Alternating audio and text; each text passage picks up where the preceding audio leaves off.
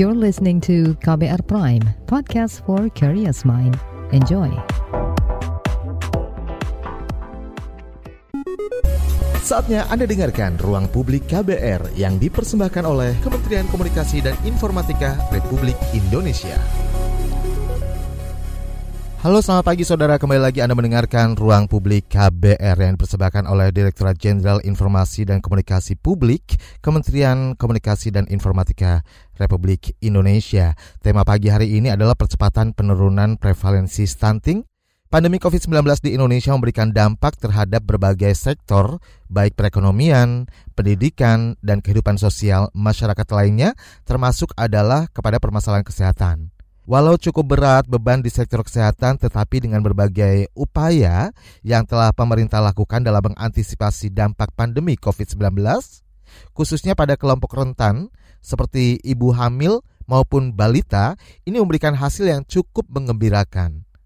Karena selama dua tahun terakhir, permasalahan stunting di Indonesia menunjukkan terjadinya penurunan.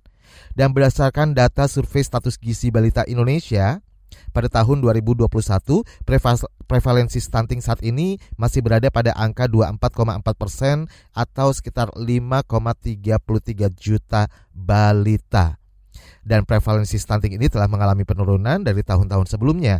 Akan tetapi, Presiden RI Bapak Joko Widodo menargetkan angka stunting turun menjadi 14% persen di tahun 2024. Lalu apa saja upaya yang dilakukan oleh pemerintah untuk melakukan percepatan penurunan stunting ini?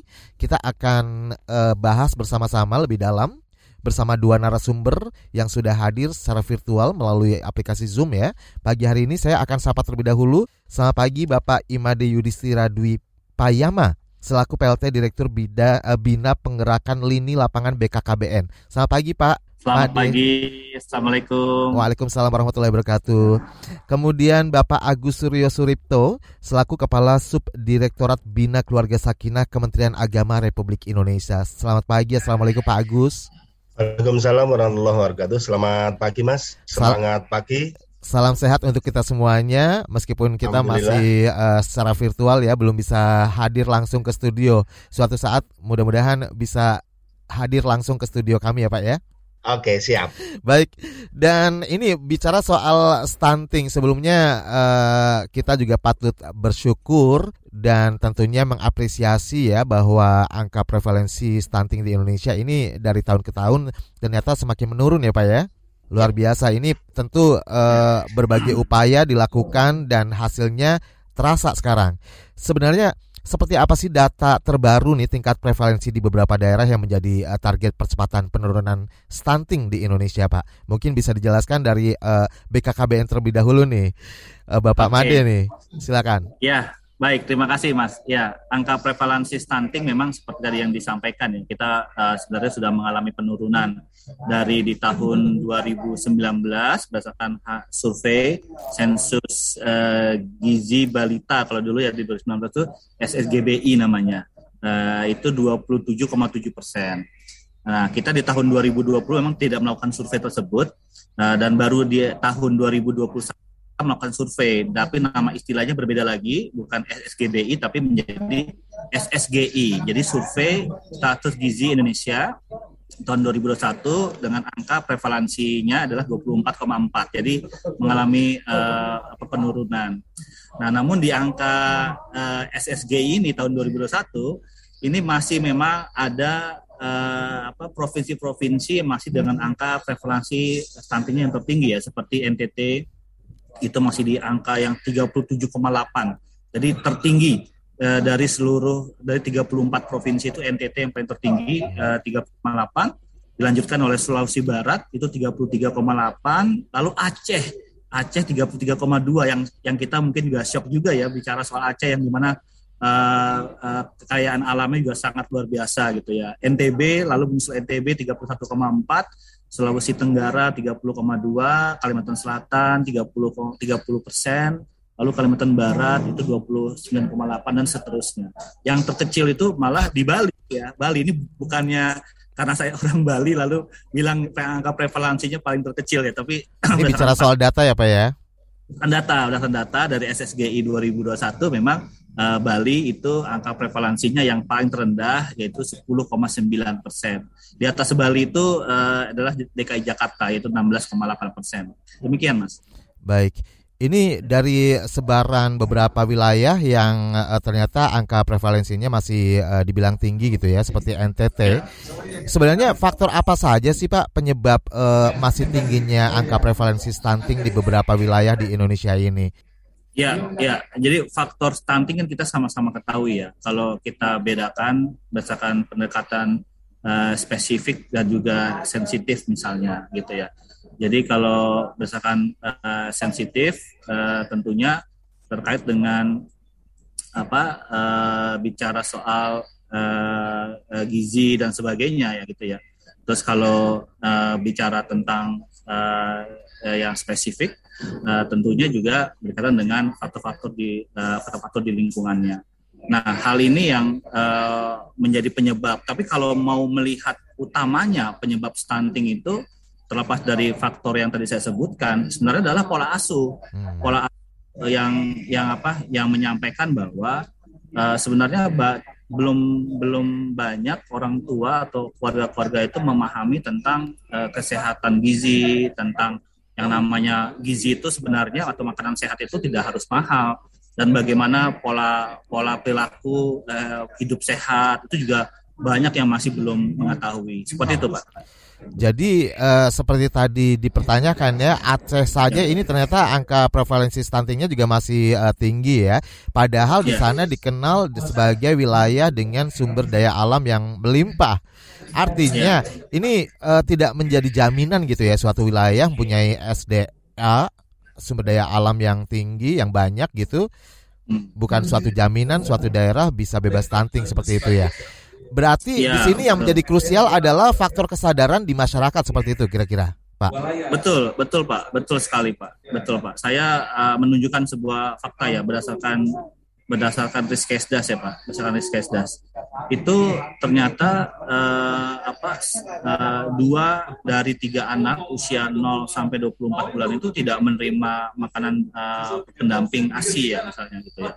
Lalu 60% dari anak usia 0 sampai 6 bulan itu tidak mendapat ASIF gitu ya. Nah, itu kan pola-pola uh, yang terkait dengan pengasuhan sebenarnya. Meskipun secara uh, apa uh, geografis uh, wilayah itu sangat makmur ya melimpah lah ya melimpah sumber daya alamnya.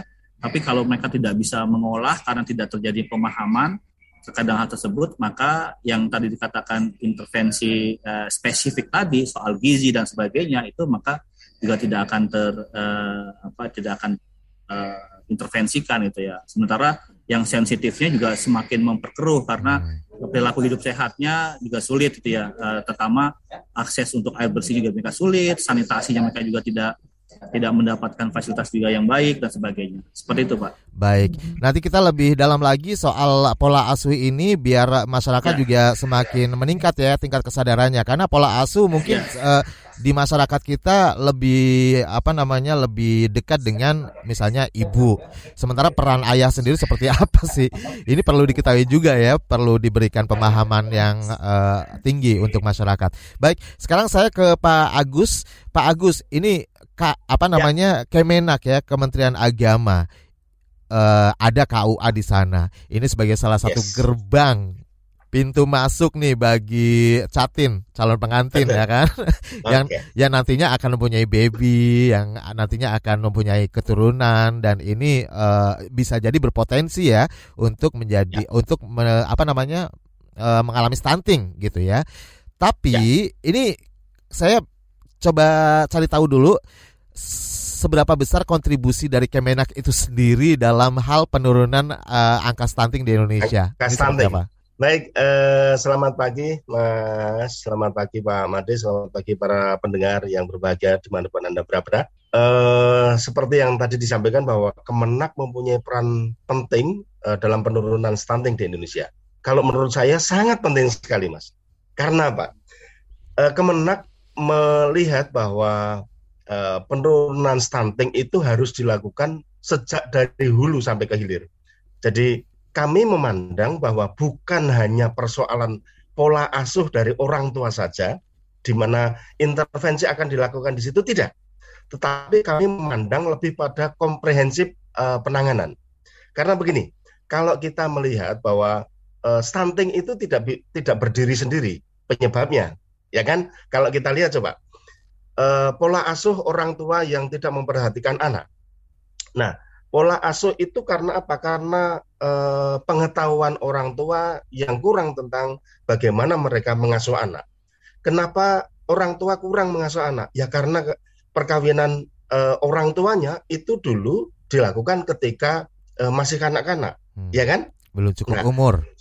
Betul. Maka Kementerian Agama memandang bahwa ini tidak bisa kemudian eh, kementerian atau lembaga hanya mengintervensi kepada satu fokus, tetapi kami ingin bahwa ini harus dikerjakan secara uh, konvergensi, secara keroyokan begitu. Bahasa yang paling gampang kan gitu. Betul. Maka yang harus kita siapkan sebetulnya adalah bagaimana kita me melakukan mitigasi.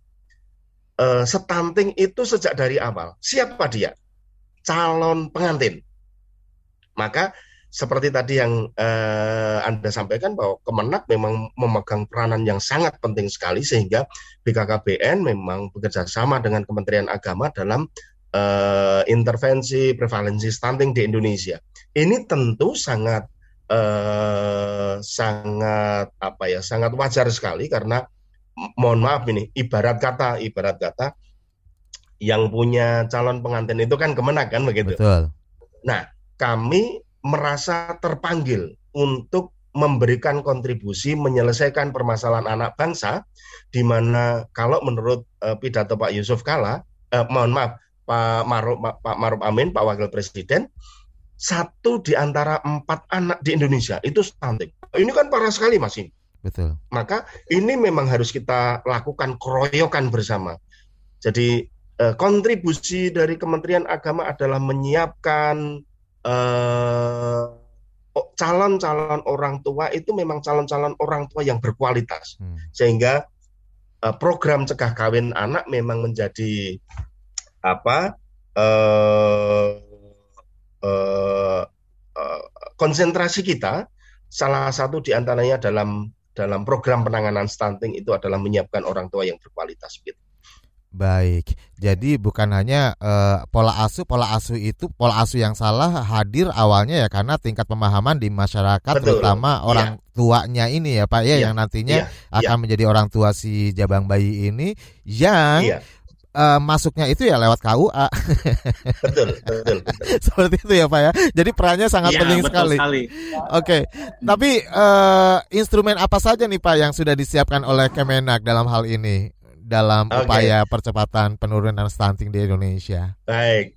Jadi eh, kami telah menyiapkan instrumen-instrumen di mana instrumen itu kami buat dalam bentuk program, Mas. Hmm. Nah, eh, tadi yang saya sampaikan bahwa pola asuh itu sa eh, eh, salah satu dari eh, upaya untuk kita melakukan intervensi. Maka Kemenak itu kemudian melakukan penyiapan calon pengantin uh, calon sorry calon orang tua bagi anak-anak yang akan dilahirkan mereka itu uh, secara berkualitas.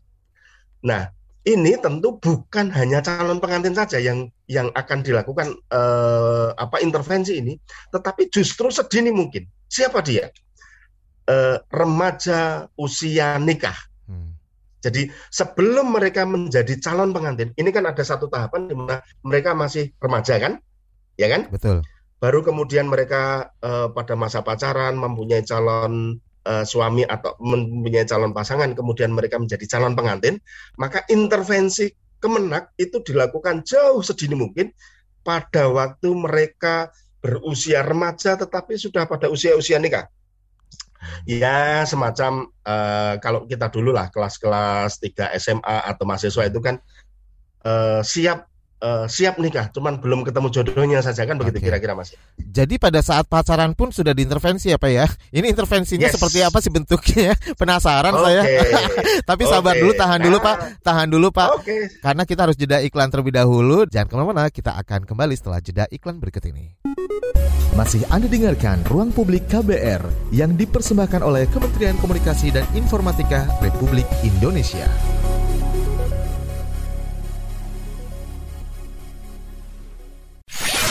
Commercial break. Commercial break. Ada kesedihan, air mata, dan trauma. Namun ada juga gelak tawa, bahagia, dan rasa bangga. Cerita kehidupan manusia adalah perjuangan dan pembelajaran. Pertanyaan dibalik itu secara psikologi, apakah dia punya niat membunuh? Kan belum tentu. Saya kaget ketika ada konflik sesama orang Madura sendiri mengatasnamakan aliran keagamaan. Sejak itu, warga Syiah harus mengungsi sampai sekarang. Untuk kehidupan saya pada waktu itu aja nggak menentu kan. Boro-boro mikirin untuk perpustakaan gitu. Saga, cerita tentang nama, peristiwa, dan fakta. Liputan khas KBR ini telah memenangkan berbagai penghargaan nasional dan internasional. Anda sedang mendengarkan program Saga Produksi KBR. Simak di program Buletin Pagi pukul 6 waktu Indonesia Barat, Buletin Sore pukul 16 waktu Indonesia Barat, dan KBR Pagi pukul 7 waktu Indonesia Barat. Dengarkan Saga di radio jaringan KBR di Nusantara atau streaming di kbr.id. Saga juga hadir dalam bentuk podcast di kbrprime.id. KBR Inspiratif Terpercaya. Anda masih mendengarkan Ruang Publik KBR yang dipersembahkan oleh Direktorat Jenderal Informasi dan Komunikasi Publik Kementerian Komunikasi dan Informatika Republik Indonesia. Anda masih mendengarkan Ruang Publik KBR bersama saya Rizal Wijaya dengan tema percepatan penurunan prevalensi stunting. Saya sudah terhubung dengan Steven di Jakarta ya. Selamat pagi, halo Steven. Ya, ya pagi, halo. Ya, silakan Steven. Apa yang mau ditanyakan Steven? Uh, iya, saya ingin bertanya, uh, bagaimana peran seorang ayah untuk turut serta mencegah terjadinya stunting pada anak? Hmm. Uh, ya. Apakah seperti sering melakukan olahraga saja sudah cukup, atau ada hal lainnya ya? Oke, okay. itu aja, Steven. Ya, itu aja. Ya, terima kasih Steven. Nah, ini uh, terkait dengan pola asuh ya, yang sudah dibahas uh, tadi di awal.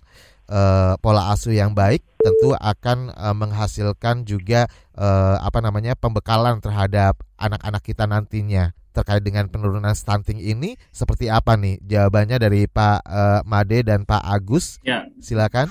Ya makasih Bang. Uh, memang peran ayah ini sangat sangat sangat sangat tinggi ya terkait dengan uh, terutama kesehatan keluarga atau kita berbicara soal stunting itu sendiri ya. Tentu ayah uh, atau suami di dalam uh, keluarga itu uh, ya tentu harus bisa menjaga uh, istrinya, pasangannya ya untuk mengingatkan, uh, untuk memutuskan, terutama ya memutuskan apakah rencana kehamilan berikutnya itu juga harus diputuskan karena uh, ayah ini kan atau suami memiliki peran yang sangat penting dalam memutuskan di dalam keluarga. Bahkan di salah satu budaya itu kalau nggak salah NTT ya, nanti bisa di cross check lagi itu memutuskan mau mengkonsumsi apa pun itu juga dari uh, ayah atau dari suami yang yang memutuskannya. Nah sehingga terkait dengan kesehatan ibu, kesehatan dengan anak, tentu ini sangat-sangat uh, berkorelasi besar ya uh, dari peran si ayah ini. Uh, ayah memiliki apa namanya uh, uh, tingkat keputusan ya, tingkat keputusan yang memang sangat berpengaruh di dalam di dalam keluarga. Dan ayah juga uh, bahkan ada slogan kita kan uh, suami siaga ya, suami uh. siaga ya harus bisa membantu uh, mengingatkan mem, bahkan bahkan ya memfasilitasi istrinya untuk uh, mengecek kandungannya mengecek kesehatannya dan juga sebagainya. Uh, namun bagi yang belum menjadi ayah ini juga penting uh, menjadi peran yang penting terutama laki-laki ya. Kita kita semua yang hadir laki-laki semua. Dan banyak yang nggak tahu juga ternyata uh, saya dapat cerita dari Pak Hasto uh, langsung ya. Bahwa beliau kan itu kan uh, konsultan untuk uh, uh, apa uh, objin ya untuk SPOG beliau lah. Hmm. Ya, jadi uh, beliau menyampaikan ternyata uh, sperma pun juga harus disiapkan sebelum masa uh, konsepsi itu. Jadi beliau pernah kehadiran uh, klien itu pasiennya uh, yang memang ingin merencanakan punya anak gitu ya, lalu ditanya aja oleh oleh Pak Hasto, simple aja, uh, kamu apa kerjanya gitu, hmm. kerja ngipas sate. Nah, lalu Pak Hasto kasih tips kalau mau punya anak anda cuti dulu uh, dari uh, pekerjaan kipas mengkipas uh, apa sate atau anda pindah uh, bagian yang menyiapkan nasi misalnya gitu. Hmm. Karena ini berkaitan ya dengan uh, mutu dari sperma yang disiapkan yes, nanti yes, ya. Betul, karena ketika dia mengkipas AC, uh, mengkipas sate itu, itu panasnya saat dia bekerja itu mempengaruhi dari kualitas sperma. Oke. Okay. Sehingga, sehingga sperma itu menurut Pak Hasto itu menjadi tidak berkualitas gitu ya. Apalagi juga beliau menyentil juga bagi laki-laki yang banyak yang yang masih punya kebiasaan merokok nih. Nah, hmm. merokok juga membuat kualitas sperma menjadi tidak bagus. Nah, sehingga para calon-calon ayah juga selain uh, apa memiliki kontribusi besar dalam memutuskan dalam keluarga nanti ya ketika dia menjadi apa akan menjadi ayah atau calon ayah ini okay. dia mulai kesehatannya terus berhentilah merokok dan juga sebagainya agar nanti kualitas anak yang akan dikandung oleh istri atau ibu gitu ya itu bisa lebih akhirnya tercegahlah anak-anak stunting seperti yang kita harapkan semua. Baik. Begitu. Jadi pola asuh tidak melulu menjadi hanya urusan uh, domestik bagi perempuan gitu ya, bagi ibunya, tapi juga ayah berperan penting. Salah satunya Betul. adalah uh, apa namanya menjaga kualitas gaya hidup, olahraga, Betul. tidak merokok, ya kan. Baik. Ya. Apalagi dengan istilah suami siaga. Nah, kalau dari uh, Kemenak nih saya penasaran Pak Agus, tadi kan disebutkan ya intervensi dilakukan oleh Kemenak dari uh, jauh-jauh hari sebelum mereka menikah, bahkan saat mereka pacaran. Ini intervensinya gimana? Saya bingung Pak. Ini oke okay, Mas Rizal. Ini uh, yang mau ja saya jawab pertanyaan Stephen dulu atau boleh, boleh. Mas Rizal? Boleh, dulu? boleh. Nyambung sih sebenarnya, nyambung okay. ya. Oke. Okay. Oke, okay, oke, okay, oke. Okay. Saya akan per, uh, jawab pertanyaan Stephen dulu uh, pertanyaan Stephen ini sudah menukik pada program yang kami lakukan di hmm. Kementerian Agama uh, terut di KUA yang yang sudah dilakukan. Bagaimana menjadi ayah yang baik? Kalau tadi uh, Pak Made uh, banyak menyampaikan dari sisi kesehatan karena memang uh, domain beliau itu ada di sisi kesehatan. Nah, Kementerian Agama itu pada dimensi-dimensi moral, Mas Mas Rizal. Hmm. Jadi uh, apa sih sebetulnya yang dapat dilakukan oleh seorang suami eh, dalam turut serta berperan eh, memberikan kontribusi terhadap penurunan stunting. Sebetulnya simpel.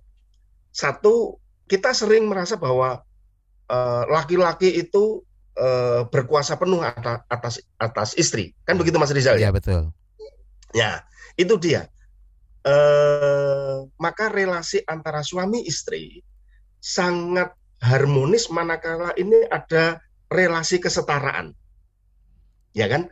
Harus ada relasi kesetaraan antara suami istri. Bukan kemudian uh, suami mentang-mentang bekerja, ya kan?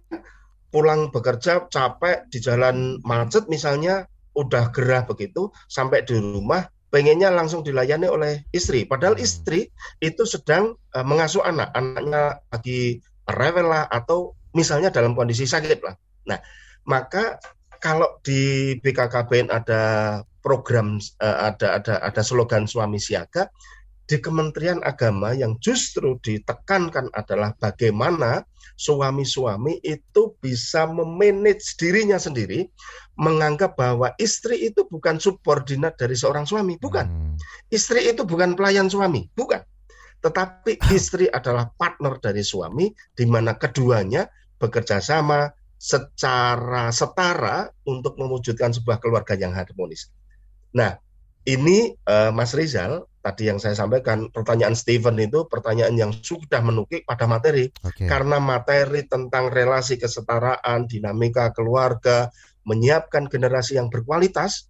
Nah, ini yang paling penting nih, menyiapkan generasi yang berkualitas itu semua materi yang diajarkan di bimbingan perkawinan. Apa itu bimbingan perkawinan? Nah, tambah lagi nih Mas Rizal tadi okay. gimana tapi tahan, waktu pacaran. Ya, ta tapi tahan dulu Pak sebelum menjelaskan soal program pendampingan ya yang uh, okay. saya dengar soalnya baru masih anget-angetnya nih ya program pendamping yes. pendampingan ini baru di launching kemarin di Yogyakarta. Sebelumnya ada ya. penelpon dari Bogor, ada Ibu Susi. Selamat pagi Bu Susi. Oke. Okay. Halo, selamat pagi. Ya, silakan Bu Susi, apa yang mau ditanyakan? Iya, kalau saya lihat temanya ini kan soal uh, prevalensi penurunan stunting gitu ya. Hmm yang saya baca-baca di beberapa media gitu, kebanyakan yang mengalami stunting itu adalah orang-orang yang uh, menengah ke bawah atau ekonominya yang uh, tidak beruntung lah katakanlah. Nah, apakah ada pemerintah membantu gitu loh perekonomian mereka agar mereka bisa membeli bahan untuk gizi-gizi yang baik ya untuk membeli bahan pangan sandang, ikan, ayam, sayur mayur yang baik misalnya. Karena kalau nggak dibantu ya percuma juga gitu woro-woro soal stunting harus dengan gizi baik, harus makan yang baik. Nah, orang nggak mampu gitu. Ya gimana caranya? Jadi yang mau saya tanyakan apakah pemerintah membantu perekonomian juga orang-orang yang menengah ke bawah ini agar mereka bisa memberi membeli nutrisi yang baik. baik. Gitu aja. Makasih. Ya, terima kasih. Terima kasih Bu Susi. Bu Susi kritis sekali ya, apalagi mungkin Bu Susi ini juga sambil antri minyak goreng kali pagi ini. Baik. Baik, tahan dulu Bapak jawabannya nanti bisa disampaikan setelah jeda iklan ya karena kita harus iklan terlebih dahulu. Jangan ke mana-mana, saya akan kembali setelah jeda berikut ini. Anda masih mendengarkan Ruang Publik KBR yang dipersembahkan oleh Direktorat Jenderal Informasi dan Komunikasi Publik Kementerian Komunikasi dan Informatika Republik Indonesia. Hingga saat ini Anda masih mendengarkan Ruang Publik KBR bersama saya Rizal Wijaya dan kita juga masih terhubung bersama Bapak Imade Yudhistira Dwi Payama selaku PLT Direktur Bina Pergerakan Lini Lapangan BKKBN secara virtual pagi hari ini bersama Bapak Agus Suryo Suripto Kepala Sub Direktorat Bina Keluarga Sakinah Kementerian Agama Republik Indonesia. Baik, dan sebelum jeda tadi ada pertanyaan dari Ibu Susi di Bogor ya menanyakan soal mungkin ada uh, anggaran yang dikhususkan untuk meningkatkan perekonomian masyarakat kita karena menurut Bu Susi ini kebanyakan yang mengalami stunting ini adalah eh, anak-anak uh, dari kalangan ekonomi menengah ke bawah seperti itu. Nah, ini seperti apa nih tanggapannya? Dari mana dulu nih? Dari uh, Kemenak atau dari, dari BPKB ini? Pak Made. Dari Pak Made, dari Pak Made. Kenapa dari Pak Made, Pak? ya, ya. Oke, Siap, silakan Pak Made. Baik, uh, jadi uh, sebenarnya uh, bicara soal fakta data dulu ya. Uh, stunting itu memang ada kesan atau data terjadi pada masyarakat masyarakat miskin ya. Tapi juga ada loh uh, bahwa angka stunting itu terjadi malah di daerah perkotaan, daerah perkotaan yang memang Uh, sebenarnya dari sisi ekonomi juga sudah baik, cuma masalah wawasan, wawasan yang di mana dari balik ke pola asuh. Tapi memang kita juga harus bisa memperhatikan bahwa masyarakat yang tidak mampu ya, yang ekonomi uh, menengah ke bawah, yang sulit mendapatkan uh, uh, gizi, pangan dan sebagainya. Nah, pemerintah sebenarnya juga hadir di tengah-tengah itu. Banyak sekali sudah program-program dari Kementerian Pertanian, dari uh, Kementerian Kesehatan yang juga memberikan suplemen-suplemen uh, baik tablet tambah darah maupun juga sama teman-teman di Kementerian Pertanian ya itu sangat luar biasa memberikan juga asupan-asupan uh, supaya masyarakat juga bisa secara ekonomi juga Betul. secara mandiri. Kemensos juga kan melalui bansos. Yes, betul dan dan pemerintah desa juga diberikan peluang kok hmm. menu dalam tahan desa itu bagaimana bisa meningkatkan pangan eh, lokalnya di okay. pada masyarakat itu juga di nah, akhirnya ini sebenarnya cukup cukup cukup uh, potensial semua tinggal permasalahan siapa yang bisa mendirijenkan mengharmonisasi semua ini agar para potensi-potensi ini bisa sampai kepada beneficiary makanya okay. kami juga menggandeng PK menggandeng semua unsur untuk bisa memastikan bahwa potensi ini bisa sampai kepada penerima manfaat. Ya. Begitu, Pak. Mungkin uh, Bu Susi juga uh, sedikit menyoroti kali ya karena ketika pandemi aja nih kayaknya pemerintah fokus banget nih segala bantuan dikerahkan. Sementara untuk stunting sendiri ya, kayaknya ya. kok kayak sedikit abai atau gimana ya? Itu mungkin pendapatnya Bu Susi. Nah, satu lagi, Bang. Gimana? Bang izin, Bang. Satu lagi. Sebenarnya Silakan, Pak sedang berkolaborasi juga dengan dengan uh, banyak pihak ya untuk bisa mengcreate uh, namanya dapur sehat atasi stunting. Hmm. Jadi dapur sehat stunting itu kita buat model gotong royong bersama dengan unsur-unsur masyarakat agar bisa menyediakan pangan yang sehat untuk masyarakat di sekitar yang mungkin tadi terkategori yang seperti Bu Susi bilang ya, Baik. mungkin agak sulitan dari sisi ekonomi, tapi kita gotong royong di masyarakat. Ya. Bicara soal stunting ini yang nggak bisa kita lewati adalah kata-kata gotong royong. Okay. Nilai ini yang sudah kita bawa dari dulu tanpa gotong royong, tanpa ada Pak Suryo, tanpa ada teman-teman dari kementerian lembaga lain, tanpa dari pemerintah desa, bahkan dari unsur swasta dan masyarakat itu sendiri, nggak bisa kita bisa menurunkan angka stunting yang Baik. memang target sangat sangat sangat uh, tinggi sekali oleh Ya. Pak Butuh targetkan. sinergi dari semua lini ya, bahkan Semua dari lini. lingkungan terkecil yaitu keluarga. Baik, Yes. berikutnya kita juga sudah eh, siap untuk bacakan satu komentar melalui Instagram yang sudah eh, dikirimkan jauh-jauh hari dari Mas Rizal. Ya. Saya nggak dita- nggak ditanya bagaimana Sebentar. pandangan eh, sekalian Pak karena waktunya juga waktunya juga iya terbatas nih. Saya sekalian bacakan sekalian nanti tanggapi ya Pak ya. Tadi Pak Suryo ngasih ke saya sih. Iya. ini berarti ini Oke. berarti KPR harus harus bikin program lagi untuk kita Oh. Siap, Setuju, kami kami tunggu dari Kemenak juga ya dari BKKBN. Oke, Baik, dari oke. Gina, sebenarnya stunting adalah permasalahan yang masih terus terjadi hingga saat ini. Iya memang ya. Dan BKKBN BKKBN sudah terjun langsung bersama kementerian lain. Eh daerah mana lagi nih selain yang tadi disebutkan yang angka stuntingnya masih tinggi? Apakah sudah ada penanganan lebih lanjut? Kemudian eh, kementerian mana saja yang diajak bekerja sama oleh eh, BKKBN dalam menanggulangi atau mencegah stunting? Ya, sebenarnya pertanyaannya masih banyak banget, cuman kayaknya nggak cukup nih kalau harus ditanyakan semua. Silakan. Target kapan masalah stunting ini juga ditanyakan. Boleh Pak Made lagi atau Pak giliran Made dulu Pak Made. tuh kan Iya. dilempar ke Pak Made lagi kan? Enggak, kalau kalau soal, kalau soal yang yang berkaitan dengan kesehatan mah ini Oke, mah wah, siap. urusannya urusan Siap, siap, siap, siap, Pak. Kalau urusan pengajian urusan Kementerian Agama. Siap. Iya, Silakan, Pak iya. Made.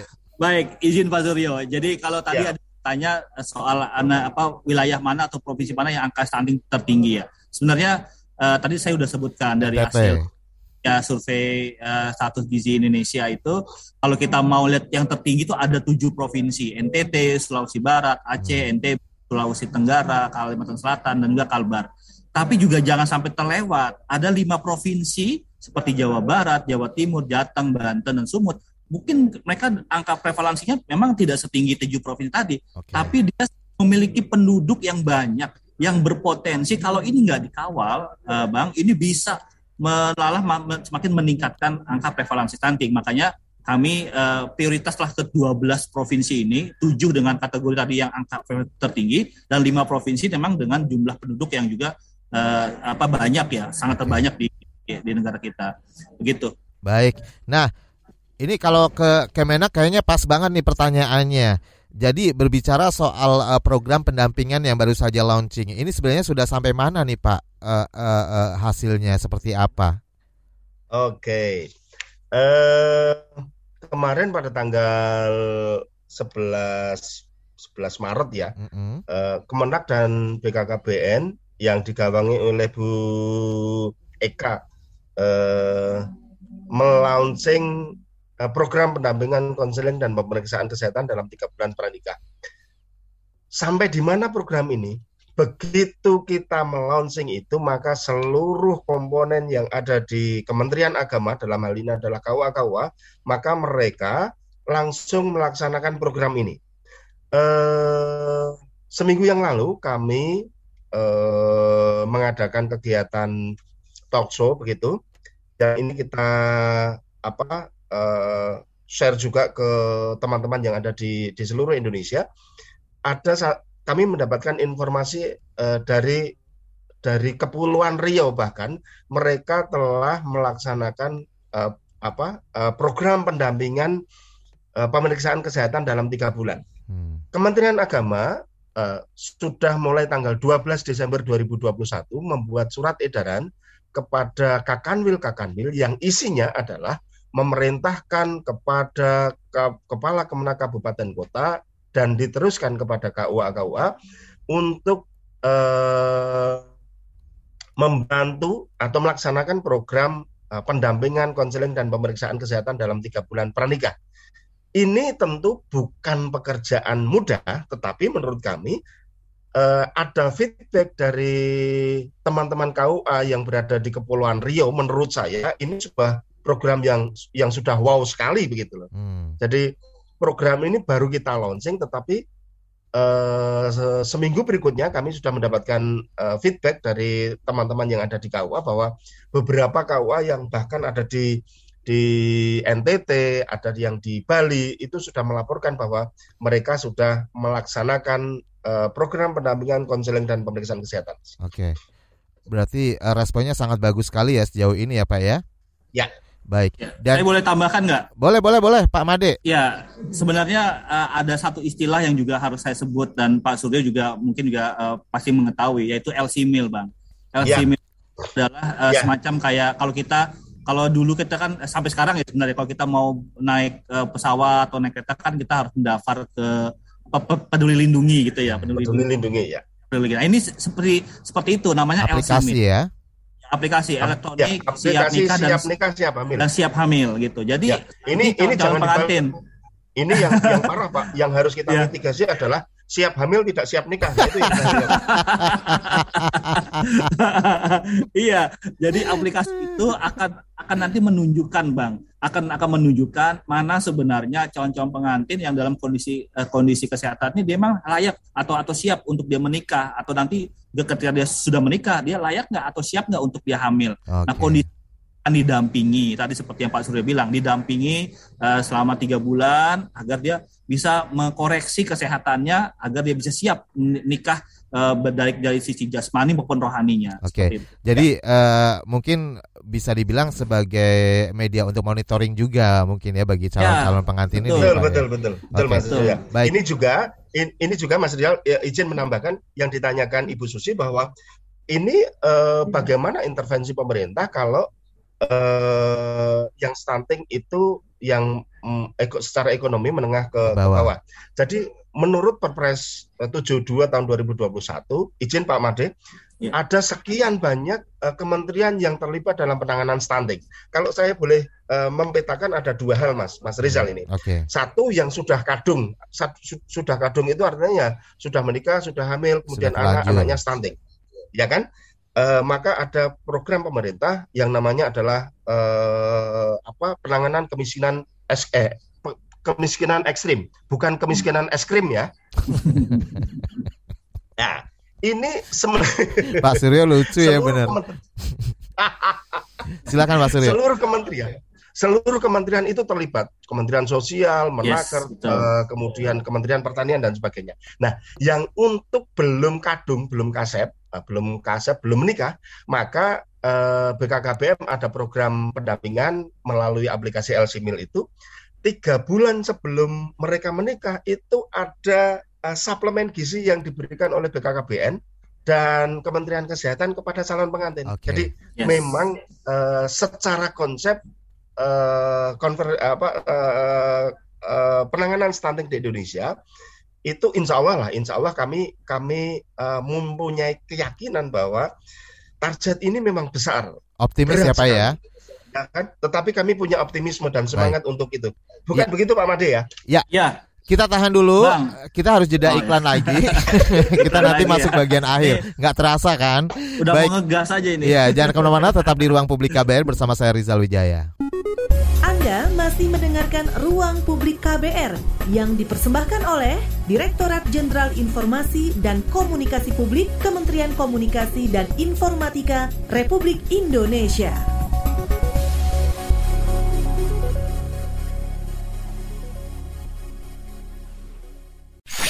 Commercial break.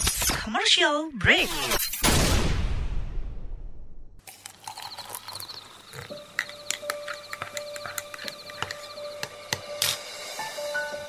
Hai, kamu apa kabar?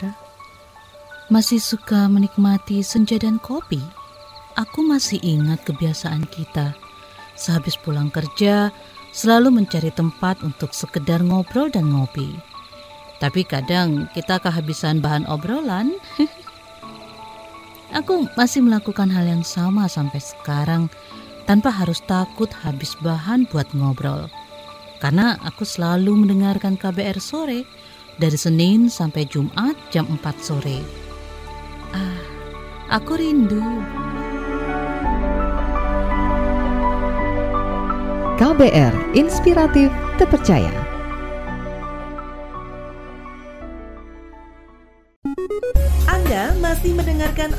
Publik KBR yang dipersembahkan oleh Direktorat Jenderal Informasi dan Komunikasi Publik Kementerian Komunikasi dan Informatika Republik Indonesia. Kita masuk di bagian akhir ruang publik KBR yang dipersembahkan oleh uh, Direktorat Jenderal Informasi dan Komunikasi Publik Kementerian Kominfo Republik Indonesia ya. Dan kita masih ngomongin soal percepatan penurunan prevalensi stunting bersama Bapak Imade Yudhistira Dwi Payama selaku PLT Direktur Bina Penggerakan Lini Lapangan BKKBN, kemudian Bapak Agus Suryo Suripto selaku Kepala Subdirektorat Bina Keluarga Sakinah Kementerian Agama Republik Indonesia. Dan uh, ini cepat saja karena saya harus bacakan juga beberapa pertanyaan dari pendengar kita kita uh, melalui live chat YouTube nih ada Feni Bungsu bagaimana cara membedakan anak stunting dengan anak yang yang kurus tapi bukan karena stunting. Silakan Pak Made. Ya, jadi gini, uh, memang uh, bicara soal untuk mengetahui anak stunting dan sebagainya itu harus ada ukuran ya, ukuran. Jadi sebenarnya kita semua itu sudah tersa, sudah tersajikan uh, sebenarnya ada uh, kartu menuju sehatnya KMS ya. Hmm. Uh, jadi itu di, diukur uh, panjang badan si bayi, itu ya berat badan si bayi, terus lingkar uh, kepala si bayi itu diukur. Nah, karena stunting itu kan definisinya pertama gangguan pertumbuhan, gitu ya. Nah, ketika dia mengalami gangguan pertumbuhan, misalnya panjang badannya itu berdasarkan dari uh, ketetapan dari Menteri Kesehatan, dia di bawah uh, di bawah rata-rata ya, biasanya ada ada dua standar deviasi dia di bawah rata-rata itu, hmm. maka dia uh, dikategorikan dia uh, bisa jadi berisiko stunting gitu ya pendek karena gitu. Tapi kita juga harus memiliki pemahaman bahwa anak pendek itu belum tentu stunting. Anak stunting sudah pasti memang pendek hmm. gitu. Nah akhirnya definisi yang kedua juga kita harus cermati yaitu namanya gangguan perkembangan. Dia tidak hanya mengukur uh, apa gangguan pertumbuhan tapi ada gangguan perkembangan. Nah gangguan perkembangan itu bisa diukur juga.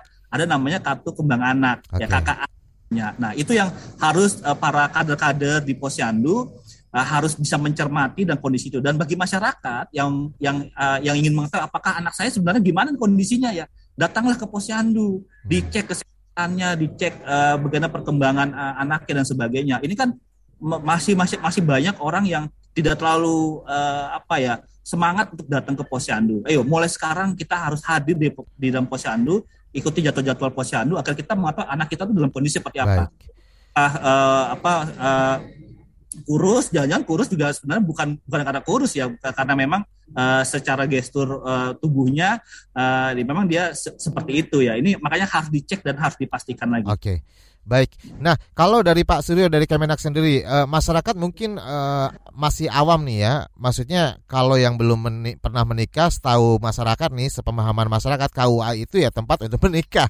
Apakah artinya okay. sekarang uh, fungsinya akan bertambah nih karena terkait dengan program percepatan penurunan angka stunting di Indonesia ini? Seperti apa nih? Ya. Uh, jadi begini, Mas. Kami menyadari bahwa apa KUA itu mempunyai mempunyai stigma yang eh, kurang-kurang baik begitu ya. Apa itu pandangan masyarakat itu masih masih uh, terpaku bahwa KUA itu hanya mengurusi soal nikah, tidak. Hmm. Nah, maka kemudian pada tahun uh, 2021 bulan Mei kemarin Menteri Agama telah melaunching uh, KUA revitalisasi, ya kan? Nah, ini eh, di antaranya adalah bahwa KUA itu eh, semakin terbuka untuk memberikan layanan-layanan kepada masyarakat. Okay. Contohnya nih, contohnya nih, di KUA ada ada ruang dialog eh, bagaimana konsultasi keluarga, termasuk di antaranya adalah penanganan stunting ini kalau dengan BKKBN. Nah, di KUA juga sekarang sedang um, apa ya, kita sedang bersemangat sekali memberikan pelatihan-pelatihan kepada kepala KUA, penghulu, penyuluh uh, berorientasi kepada moderasi beragama. Hmm. Jadi uh, lebih kepada pemahaman-pemahaman uh, pandangan hidup beragama yang moderat misalnya begini. Jadi uh, mulai tahun 2021 Mei kemarin kita memang memang sedang bekerja keras untuk membuat KUA revitalisasi KUA revitalisasi Okay. Jadi mulai dari uh, moderasi beragama, cegah kawin anak, konsultasi keluarga, kemudian penanganan stunting dan uh, pemberdayaan ekonomi umat. Ini yang sedang kita garap secara serius, Mas Rizal. uh, bahwa KUA itu bukan hanya kantor urusan asmara. nah, jadi ini yang yang sedang kami kami apa ya kami ubah paradigma uh, dan uh, persepsi masyarakat. Kita tidak hanya ngurusi masalah perkawinan uh, nikah saja, tetapi hmm. ada lima entitas yang nanti akan akan kita masukkan ke KUA, Baik. yakni layanan uh, masyarakat yang kita perluas, kemudian ada uh, early warning system uh, bagaimana KUA itu bisa menjadi uh, peringatan dini pada konflik-konflik keagamaan dan empat program lainnya. Begitu Siap.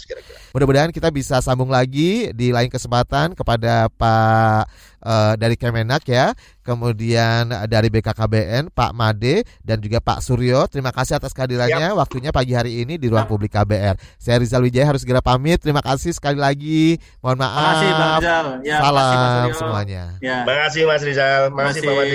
Ya. Baru saja Anda mendengarkan Ruang Publik KBR yang dipersembahkan oleh Direktorat Jenderal Informasi dan Komunikasi Publik Kementerian Komunikasi dan Informatika Republik Indonesia.